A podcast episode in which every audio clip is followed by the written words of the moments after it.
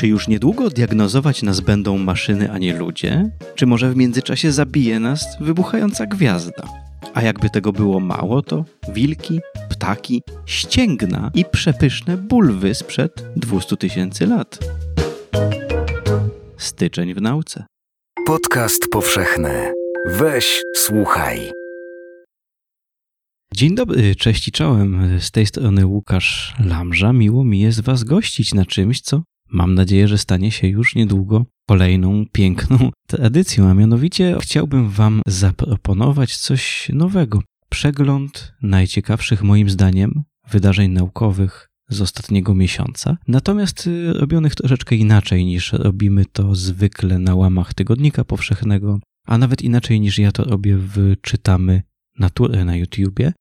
Koniec miesiąca to jest taki fajny moment, żeby z odpowiednio dużej perspektywy, no bo to w dobie newsów kilka tygodni to jest gigantyczna przestrzeń czasu, żeby siąść sobie na spokojne i się nad tym zastanowić. Do tego wydaje mi się, że podcast nadaje się nieźle. Zacznę od czegoś, co rzeczywiście było istotnym wydarzeniem w styczniu, a mianowicie opublikowaniem y, wyników mm, trenowania algorytmu y, sieci neuronowej na zdjęciach medycznych i jest to czwarty y, w historii opublikowany przypadek, kiedy udało się algorytmowi osiągnąć poziom nadludzki w diagnostyce. Y, poprzednie trzy przypadki, zwróćcie też uwagę na daty, jak to się szybko dzieje. 2016 cukrzyca, tam właściwie mamy przypadki retinopatii u osób chorych na cukrzycę, diagnozowane na podstawie zdjęć dna oka. Później 2017 nowotwory skóry na podstawie zdjęć, nawet wykonywanych, co ciekawe, zwykłym telefonem komórkowym, a następnie screening raka płuc 2019 na podstawie RTG klatki piersiowej. I teraz mamy styczeń 2020 i to jest wykrywanie nowotworów piersi na podstawie mammografii. No więc y, co to znaczy poziom ponadludzki? W tego typu badaniach zwykle porównuje się dany algorytm z ludzkimi diagnostami zaproszonymi do badania. W tym przypadku, y, co ciekawe, y, lekarze no niezbyt się popisali. Czułość to jest taki parametr statystyczny informujący nas o tym, w przypadku danego testu, jaki procent osób chorych, jeśli mówimy o teście diagnostycznym, rzeczywiście otrzyma taką właśnie diagnozę.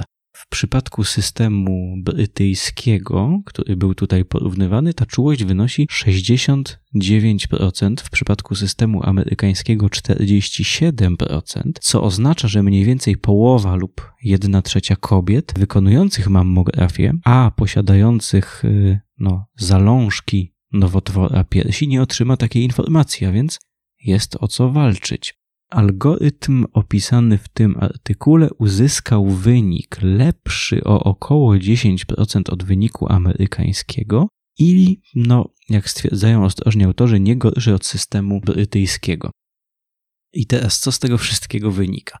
Autorzy są oczywiście bardzo ostrożni i mówią tak: y, Nasza propozycja jest następująca. Posłuszmy się naszym algorytmem jako kolejnym źródłem wiedzy, Taki zresztą system występuje w Wielkiej Brytanii, że mamy jednego diagnostę, potem następnego diagnostę i jeśli te dwie osoby się zgodzą ze sobą, to jest uznana diagnoza. Jeżeli te dwie osoby się nie zgadzają, no to jest w tym momencie jeszcze opinia trzecia. Więc propozycja jest taka y, rzeczywiście ostrożna.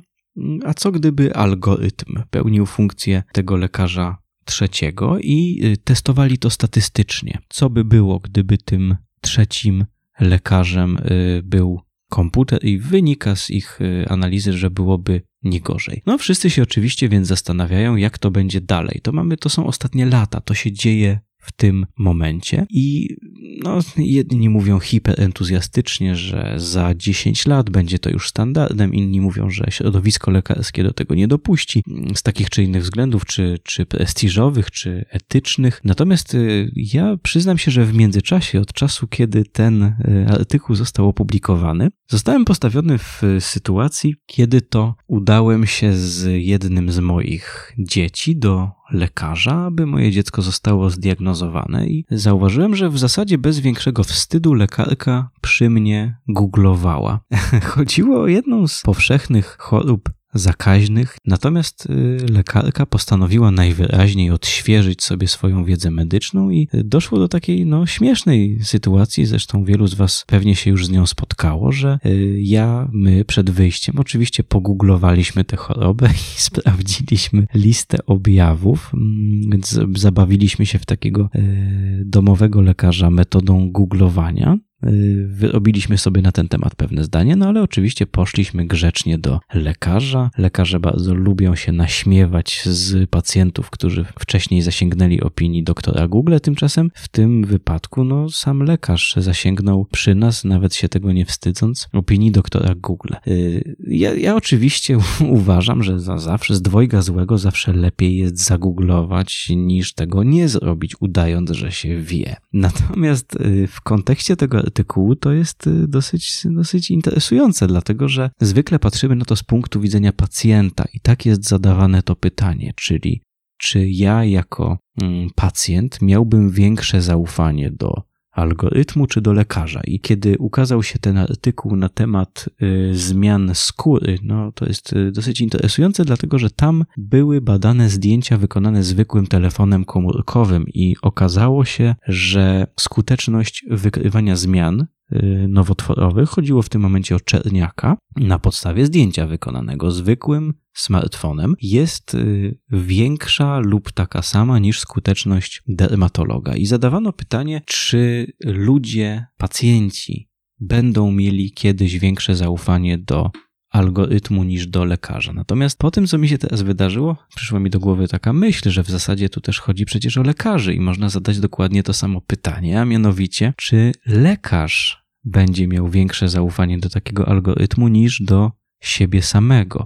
No, bądź co bądź, pokusa jest gigantyczna, aby po prostu zdać się na tego typu algorytm. Zwróćcie w dodatku uwagę, że w tego typu badaniach zawsze sprawdza się to w bardzo dobrych warunkach, czyli jeżeli badanie to przeprowadzane jest, y, no w tym wypadku przez Google AI w kontakcie z dobrymi uczelniami medycznymi, publikowane w Nature, to mamy do czynienia z świetnej jakości obrazowaniem, mamy do czynienia z dobrymi lekarzami, którzy zgodzili się, zostali pewnie wydelegowani przez swoje uniwersytety czy, czy akademie medyczne, żeby wziąć udział w badaniu, są w warunkach takich, w których bardzo się starają. Krótko mówiąc, tak między nami mówiąc, te wyniki są niezbyt reprezentatywne. Ja zawsze, kiedy widzę, że jest tego typu algorytm lepszy o 5% od ludzkich diagnostów, to staram się pamiętać o tym, że mówimy o, o po pierwsze o śmietance, po drugie o ludziach, którzy wiedzą, że są na egzaminie. Więc ta skuteczność jest prawdopodobnie dużo wyższa, ta, ta różnica skuteczności jest dużo wyższa, jeśli porównamy to ze zwykłym lekarzem, który siedzi gdzieś u mnie w przychodni na dyżurze. Yy, więc no, pojawia się bardzo rozsądne pytanie, co na to lekarze? nie tyle co na to pacjenci, ale jak zareagują na tego typu nowinki lekarze. I ja y, osobiście przewiduję, że będzie taki etap, y, na którym żaden system medyczny świata nie dopuści jeszcze algorytmów diagnostycznych do oficjalnej służby medycznej, do, do, do, do oficjalnego obiegu, nie będzie to dopuszczone jako opinia diagnostyczna, bo to no, byłoby kłopotliwe prawnie. Natomiast będzie funkcjonował taki odpowiednik googlowania, czyli lekarze będą mieli te aplikacje i myślę, że stopniowo coraz jawniej po prostu będą sprawdzać, co na ten temat mówi sztuczna inteligencja. Takie samo zjawisko występuje już od dawna w szachach. To jest dyscyplina, w której wiemy doskonale, że sztuczna inteligencja jest dużo lepsza od ludzi, i mm, kiedy komentatorzy szachowi komentują jakiś mecz, jakąś partię, to dzisiaj już standardowo po prostu patrzą co powie algorytm i y, nawet używa się już takiego języka, że ten ruch jest lepszy, ten ruch, ten ruch jest gorszy. Już nawet się nie mówi, że według Stockfisha czy jakiegoś innego algorytmu szachowego, po prostu się już mówi, że ten ruch jest lepszy. W związku z czym myślę, że to będzie interesująca dekada, dlatego że te aplikacje już powolutku się upowszechniają. One y, oczywiście tam wszędzie zawsze są zastrzeżenia, że to nie może służyć do diagnostyki, ale przecież y, dobrze wiemy, że oficjalnie Google czy Wikipedia też nie mogą służyć do diagnostyki, a przypuszczam, że odsetek lekarzy, którzy się posługują tymi metodami, jest duży i tylko rosnący. Także to taka moja uwaga i uwaga, teraz e, spróbuję zrobić ładny przerywnik dźwiękowy między dwoma materiałami. Uwaga. Wybuchająca gwiazda. To ci z Was, którzy śledzą, co się dzieje w nauce, prawdopodobnie wiedzą o tym doskonale. Betelgeza, jedna z, jedna z bliskich względnie gwiazd, bliskich Słońcu, bliskich Ziemi, e, jeden z najjaśniejszych obiektów na niebie, pociemniał ostatnio. Ta gwiazda pociemniała, jest to, no, media mówią niepokojące, astronomowie mówią troszeczkę ostrożniej interesujące. Rzecz w tym, że jest to gwiazda na końcowym odcinku swojego żywota, czyli jej następnym krokiem będzie wybuch, e, wybuch supernowej, w związku z czym pojawiły się oczywiście spekulacje, czyżby było to jakieś terminalne przygaśnięcie tuż przed wybuchem i co się będzie działo, czy jakieś, um, jakieś negatywne skutki nie spotkają ludzkości w związku z tym, czy jakaś fala cząstek nas nie wymiecie. Oczywiście nie nastąpi, to nie musimy się o to bać. Supernowe wybuchają non-stop od wielu milionów, miliardów lat i najwyraźniej życie na Ziemi nie przejęło się tym faktem. Poza tym, o czym się zawsze mówi przy tego typu okazjach, no cóż, no niedługo w skali astronomicznej to, to się liczy w tysiącach lat. Y, okres życia takiej gwiazdy liczony jest w milionach lat naszej własnej w miliardach, a więc to jednak nie ta skala. To troszkę tak, jakby się zastanawiać e, z niepokojem, cóż to będzie, kiedy już się te kontynenty zderzą, jak nam się zamknie ocean spokojny. Już niedługo, już niedługo, tak już o włos nam się coś tutaj zderzy. No kontynenty też zderzają się oczywiście, bywają tego katastrofalne skutki, ale jednak w skali milionów lat. Natomiast e, co, co ciekawe, niedługo później po tym, kiedy Betelgeza robiła swoje drugie okrążenie po mediosferze, trafił w moje ręce taki fajny artykuł na temat supernowej 2006GY. To, to było badanie tego, cóż mogło tę supernową spowodować. Ona była troszkę nietypowa, ale samo to określenie kodowe, ja je podaję nie bez przyczyny, w tym się kryje pewien haczyk. 2006G Y. Otóż nazewnictwo supernowych y, konstruowane jest w ten sposób. Nazwa supernowej to jest najpierw rok, w którym ta supernowa wybuchła, a następnie kolejność spośród wszystkich supernowych zarejestrowanych w danym roku. I zaczyna się od supernowej, no przypuśćmy, że w tym roku mamy 2020, więc pierwsza 2020 AA, potem 2020 AB, AC, AD, i tak dalej. Więc możecie sobie wyobrazić, ile jest tych supernowych, skoro ta, którą wówczas badano, nosi nazwę 2006 GY. Można sobie wyobrazić, że ilość tych odkryć rocznie, no ona idzie, idzie w setki. I to jest taka kolejna interesująca rzecz, y, że wybuch supernowej brzmi to rzeczywiście jako jakieś y, przedziwne, ultra rzadkie zdarzenie, wstrząsające kosmosem w posadach. Tymczasem dla astronoma jest to po prostu rutynowe zdarzenie, które dzieje się setki razy każdego roku i to tylko w tej części kosmosu, którą obserwujemy. No, taka interesująca perspektywa, prawda? Dla nas jakieś tam wielkie, ekscytujące wydarzenie, a dla astronoma przypadek 181. Przykładowo. Uwaga ale mi się to podoba. Wilczki są następne na mojej liście, a to taki króciutki news. Y, zostało zadane bardzo słusznie pytanie, jak doszło do udomowienia wilka, także stał się psem. Nastąpiło to, no, może 15, 20, może nieco więcej tysięcy lat temu i o tej y, ludzkiej archeologii jeszcze opowiem troszeczkę za chwilę. Y, natomiast y, to, to, to było takie badanie nad tym, czy wilki dzikie, nie wychowywane od pokoleń z ludźmi i mające względnie ubogi kontakt z człowiekiem, czy wilki zrozumieją coś takiego jak człowiek zapraszający do zabawy. W Szwecji przeprowadzono taki eksperyment, że małą grupkę wilków, które dotychczas żyły dziko, zaproszono do, do takiej zagrody, gdzie był stały kontakt z człowiekiem, człowiekiem, który podawał im pokarm, natomiast oprócz tego nie były one uczone żadnych sztuczek, nie były wychowywane, nie były trenowane, łamane przez tresowane. Był to minimalny kontakt z człowiekiem, polegający tylko na takim elementarnym oswojeniu. I mm, kilkutygodniowym, y, bodajże ośmiotygodniowym szczeniakom wilka proponowano taką zabawę. Wchodziła do pomieszczenia kobieta, wcześniej nieznana tym wilkom, rzucała piłkę, następnie zachęcała do przyniesienia tej piłki i mierzono. Jest taka skala od 1 do 5, od całkowitej obojętności aż po aportowanie, czyli podbiegnięcie do piłki, chwycenie w pysk i zwrócenie człowiekowi, kiedy ten zaczyna mm, cmokać, zachęcać i wykonywać wszystkie te gesty, którymi zachęcamy psa. I y, na całą tę 13-osobową grupkę wilczych szczeniaków znalazły się trzy osobniki noszące, uwaga, imiona Sting, Lemmy i Elvis.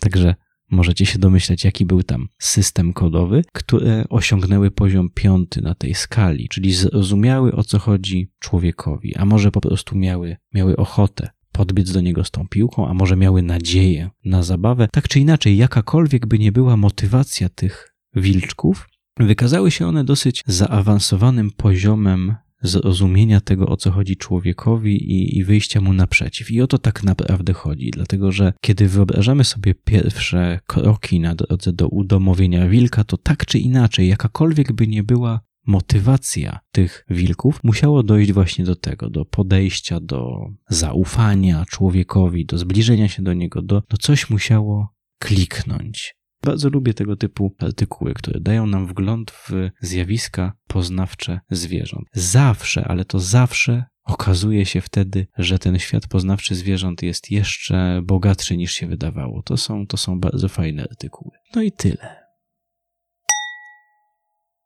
Mm, szybciutko, szybciutko o ptakach. Obiecałem, że będzie o ptakach. Zostało odkrytych pięć nowych gatunków ptaków śpiewających na dwóch archipelagach y, w pobliżu indonezyjskiej wyspy Celebes. Mm, tutaj interesują, no ptaki oczywiście zawsze dobrze jest wiedzieć, że jest więcej ptaków niż było. Tutaj autorów szczególnie interesowała metoda. Oni się nawet bardziej chwalili swoją metodą niż tymi ptakami. To była bardzo systematyczna metoda. Tych ptaków się coraz mniej już odkrywa. To nie jest tak jak kiedyś w złotej epoce odkryć zoologicznych, kiedy to 150 lat temu wystarczyło wsiąść na statek i popłynąć przed siebie i no, było niemal gwarantowane, że odkryje się jakieś, jakiegoś nowego ssaka, jakiegoś nowego ptaka. Dzisiaj już tak dobrze nie ma. No, w związku z tym autorzy bardzo systematycznie przeanalizowali na podstawie takiego modelu rozprzestrzeniania się gatunków, na których konkretnie wyspach mogą jeszcze istnieć nieodkryte gatunki, potwierdziło się ich, więc oni się tak no, chwalili, że mają taką metodę, natomiast mm, w międzyczasie najwyraźniej przetestowali tę metodę na swoich pozostałych wyspach kandydackich, dlatego że jak się przyjrzeć metodom tego artykułu, to piszą o swojej wyprawie na Indonezję sprzed niemal 10 lat, więc poczekali z opublikowaniem tej nowinki. Yy, prawdopodobnie w międzyczasie wykonywali kolejne ekspedycje, na wytypowane przez siebie wyspy, żeby jacyś sprytni naukowcy nie podkradli im metody, odkrywając nowe ptaki. Y, dlaczego o tym mówię? No, jest to oczywiście interesujące samo w sobie, natomiast y, autorzy dosyć y, wyraźnie potwierdzają to, co już wiadomo od kilku dekad, a mianowicie, że powolutku zaczynamy docierać do granic możliwości odkrywania nowych gatunków, niewykluczone, że naprawdę e, w pewnych przynajmniej dziedzinach e, biologii jesteśmy już mamy już pełną wiedzę o bogactwie danego rodzaju istot żywych. To się może wydawać, no oczywiście, prawdopodobnie włącza wam się w tym momencie niedowiarek i tak mówicie, a zawsze się naukowcom wydawało, a potem były nowe odkrycia, ale to jest e, rzeczywisty element świata nauki, mm, a mianowicie wypełnianie się pewnych plam. Weźmy choćby pod uwagę coś takiego jak samą geografię. No dzisiaj nie można już utrzymywać, że na Ziemi jest nowy kontynent, prawda? No, no nie ma po prostu. E, również mapy dna morskiego są takie rozdzielczości, że, że nawet mikrokontynent już w zasadzie żaden się na naszej planecie nie uchował, prawda? E, trudno by było utrzymywać na przykład to, że gdzieś e, w Afryce i Azji ukrywa się nieodkryty jeszcze gatunek słonia. Byłoby to rzeczywiście trudne do uwierzenia. Jest to gigantyczne zwierzę, a te kontynenty są już tak doskonale przeczesane, że niektórzy mówią, że już choćby i ptaszki śpiewające afrykańskie wykryte są już wszystkie lub prawie wszystkie. Więc jest to interesująca y, epoka takiego końca wielkich odkryć zoologicznych, przynajmniej no, jeśli się skupimy na tych dużych stworzeniach, takich jak kręgowce, niewykluczone, że XXI wiek to jest właśnie to, to jest ta epoka, kiedy już te zasadnicze typy zwierząt poznamy, być może nawet wszystkie. Natomiast, i, i to już w tym momencie mamy takie dożynanie, tak? Oni musieli się nieprawdopodobnie wysilić, żeby odkryć pięć nowych gatunków. Tymczasem tych gatunków mamy y, nieco powyżej 10 tysięcy. No, zależnie też jak, jak dany ornitolog liczy, ale to, są, to jest liczba w pobliżu 10 tysięcy, a więc dużo się naodkrywaliśmy, a teraz jest wielki sukces, jeśli uda się odkryć tych gatunków 5. Natomiast ja bym chciał do tego dorzucić y, w charakterze, charakterze takiego no, optymistycznego zakończenia, że jeśli się interesować innymi stworzeniami żywymi, to tajemnic nam nie zabraknie i ci z Was, którzy śledzą moje zainteresowania, to już wiedzą o mojej fascynacji pierwotniakami, zwanymi też technicznie protistami. I tak z ciekawości sięgnąłem do styczniowego, styczniowego numeru y, czasopisma Protist, poświęconego, jednego z kilku czasopism poświęconych pierwotniakom i tamto to nie jest nic niezwykłego, a tutaj cztery nowe gatunki apikompleksów, e, a tutaj taki, a tutaj jakiś orzęsek nowy, nowe gatunki pierwotniaków odkrywa się na kopy, proszę Państwa, a więc uspokajam. To nie jest tak, że skończył nam się, skończyła nam się epoka wielkich odkryć w biologii. Po prostu musimy przenieść nasze zainteresowania być może na inne grupy organizmów. Zapewniam, wcale nie są mniej interesujące od ptaków. Y, cóż dalej ścięgna, a tutaj tylko taki, rzeczywiście powiem o tym króciutko, obiecuję, zostały zidentyfikowane komórki macierzyste ścięgna. Najprawdopodobniej. To jest nowina. Komórki macierzyste to są te komórki, które tworzą nowe komórki. Same w sobie nie są y, funkcjonalne w danej tkance, czyli mamy na przykład y, komórki macierzyste neuronów, ale one same nie są neuronami, nie, nie, w, nie pracują w mózgu. Y, komórki macierzyste, no kiedyś my wszyscy składaliśmy się wyłącznie z komórek macierzystych, kiedy jeszcze byliśmy embrionami i w miarę starzenia się organizmu tych komórek macierzystych jest coraz mniej. Natomiast to jest taka dobra, fajna, ciekawa informacja, że od czasu do czasu odkrywa się taki, taką nową kieszonkę w ludzkiej anatomii, gdzie mm, siedzą komórki macierzyste. W zupełnie innym, niezwiązanym z tym artykule też ze stycznia 2020 roku opowiadałem o komórkach macierzystych melanocytów e, znajdujących się w skórze. Melanocyty to są komórki odpowiedzialne za powstawanie barwników, stąd więc na przykład siwienie może być związane z nieprawidłowościami w powstawaniu melanocytu. Więc to była taka interesująca informacja, że, mm, że tam też mamy takie komórki macierzyste.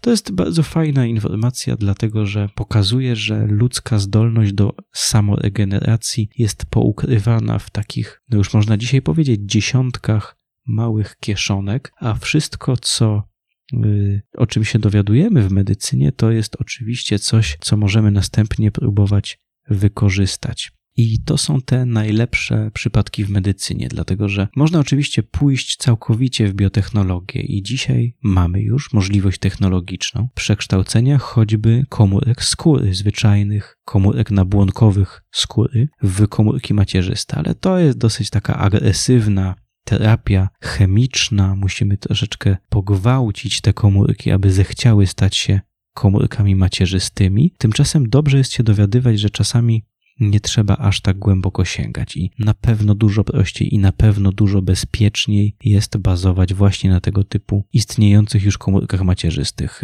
A o jakich przypadkach mówimy? No, regeneracja ścięgna po urazie. Ktokolwiek miał problemy ze ścięgnami czy więzadłami, ten wie, że to, to, to nie goi się tak dobrze jak skóra, czy jak mięsień, czy nawet jak złamana kość. To się potrafi potem całe życie odzywać, ale mówimy też przecież oczywiście o regeneracji rdzenia kręgowego, czyli no, no potężnych problemach medycznych. Więc tego typu informacje są, są świetne. One zawsze dają nadzieję, że, że jest y, może nieco bezpieczniejsza, może nieco mniej inwazyjna metoda uzupełniania czegoś, co zostało w naszym organizmie zniszczone. A y, to będzie wielką rzeczą w medycynie najbliższych dekad regeneracja. Regeneracja zniszczonych tkanek. A na koniec bulwy. Bulwy sprzed 170 tysięcy lat. Konkretnie chodzi o bulwy rośliny, która nazywa się przyklęk i występuje y, bardzo obficie w Afryce. Zostały znalezione, ewidentnie przetwarzane, y, cieplnie y, przypieczone, troszeczkę spopielone bulwy przyklęku w jaskini Border Cave w Republice Południowej Afryki, wydatowane na 170 tysięcy lat. I znaleziono takie stanowisko, na którym wydaje się, że Y, przypiekano te bulwy, czyli mamy warstwę popiołu, w niej zakopane, no coś się musiało wydarzyć, że ta partia nie została wydobyta. Mm, w bliskim swoim sąsiedztwie leżało ich y, kilka, wszystkie ładnie, równo przypieczone, gotowe do spożycia. Autorzy y, wysuwają taką bardzo ciekawą hipotezę, że było to przygotowanie do wyprawy, y, dlatego że tego typu przypieczona bulwa świetnie nadaje się do tego, aby ją wrzucić gdzieś do plecaka, czy do worka, czy, czy jakkolwiek nasi przodkowie sprzed 170 tysięcy lat podróżowali i uzupełniania pokarmu na bieżąco. Pokazali przy tym bardzo fajnie i bardzo przytomnie mapę rozmieszczenia tej rośliny w całej Afryce, która pokazuje, że y, osoby wybywające z Afryki mogły liczyć na napotykanie tej samej rośliny na całym kontynencie, zwłaszcza w takim korytarzu wschodnioafrykańskim, który prowadzi do wyjścia z Afryki. I to jest taka fajna, praktyczna informacja, dlatego że jeśli chcemy się wydostać, chcemy pokonać wiele tysięcy kilometrów, to jest na pewno dobrą wiadomością to, że coś, co nauczyliśmy się spożywać u siebie w domu w Afryce Południowej na podstawie bądź co bądź kwiatków, dlatego że mówimy tu o części podziemnej rośliny, możemy też znaleźć i i wyżej i na wysokości równika i jeszcze dalej w, w tym pasie już podzwrotnikowym północnym.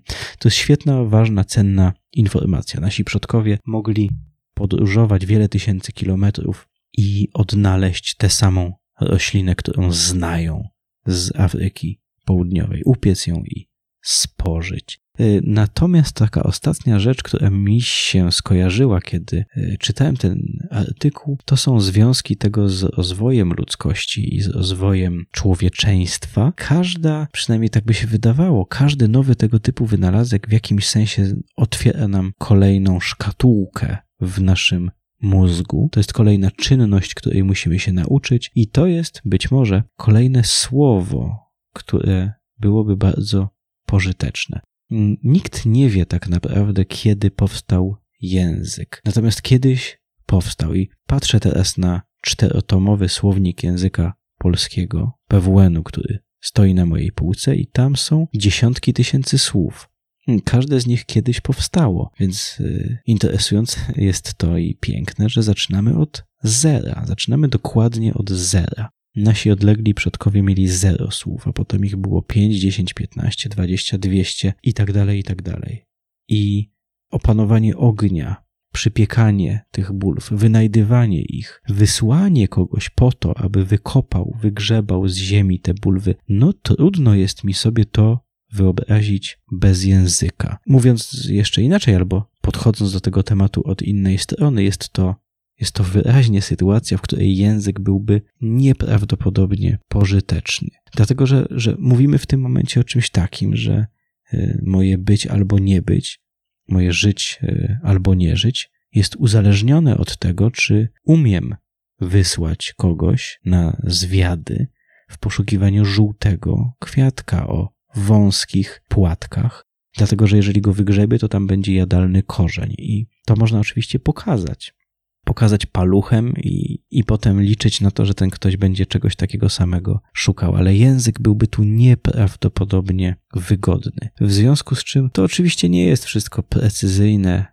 rozumowanie, ale ja kiedy czytałem o tych ludziach, którzy 170 tysięcy lat temu być może przygotowywali się do wyprawy, przygotowując sobie zapasy pieczonych, spopielonych przyklęków na drogę, od razu wyobraziłem sobie, że no musiała, musiała temu towarzyszyć jakaś komunikacja. 170 tysięcy lat temu. Jakim mówili językiem, jak myśleli, o czym myśleli. To są bardzo fajne rzeczy i badania archeologiczne dostarczają nam takich właśnie malutkich haczyków. A na sam koniec mogę Wam chyba polecić taki swój tekst, w którym stosuję tę samą metodę wykorzystania pewnego znaleziska, yy, w tym wypadku już paleontologicznego, do wyobrażenia sobie, jak mogło być. Ten tekst to trzech śniących owiraptorów. Trzech śniących owiraptorów. Można go znaleźć na stronie Tygodnika Powszechnego. Dziękuję Wam serdecznie, że byliście ze mną na pierwszym podcaście z, cóż, mogę to chyba już teraz ogłosić, z serii Miesiąc X w nauce, a na końcu pyknę sobie jeszcze raz tym pustym kieliszkiem, ponieważ ten dźwięk bardzo mi się podoba. Dziękuję i do usłyszenia. Weź, słuchaj, czyli podcast powszechny. Muzyka Aleksander Nakarada. Jeśli słuchają nas Państwo w Spotify albo iTunes, zasubskrybujcie nasz kanał. Jesteśmy też w Google Podcasts i aplikacji Lekton oraz na www.tygodnikpowszechny.pl/podcast.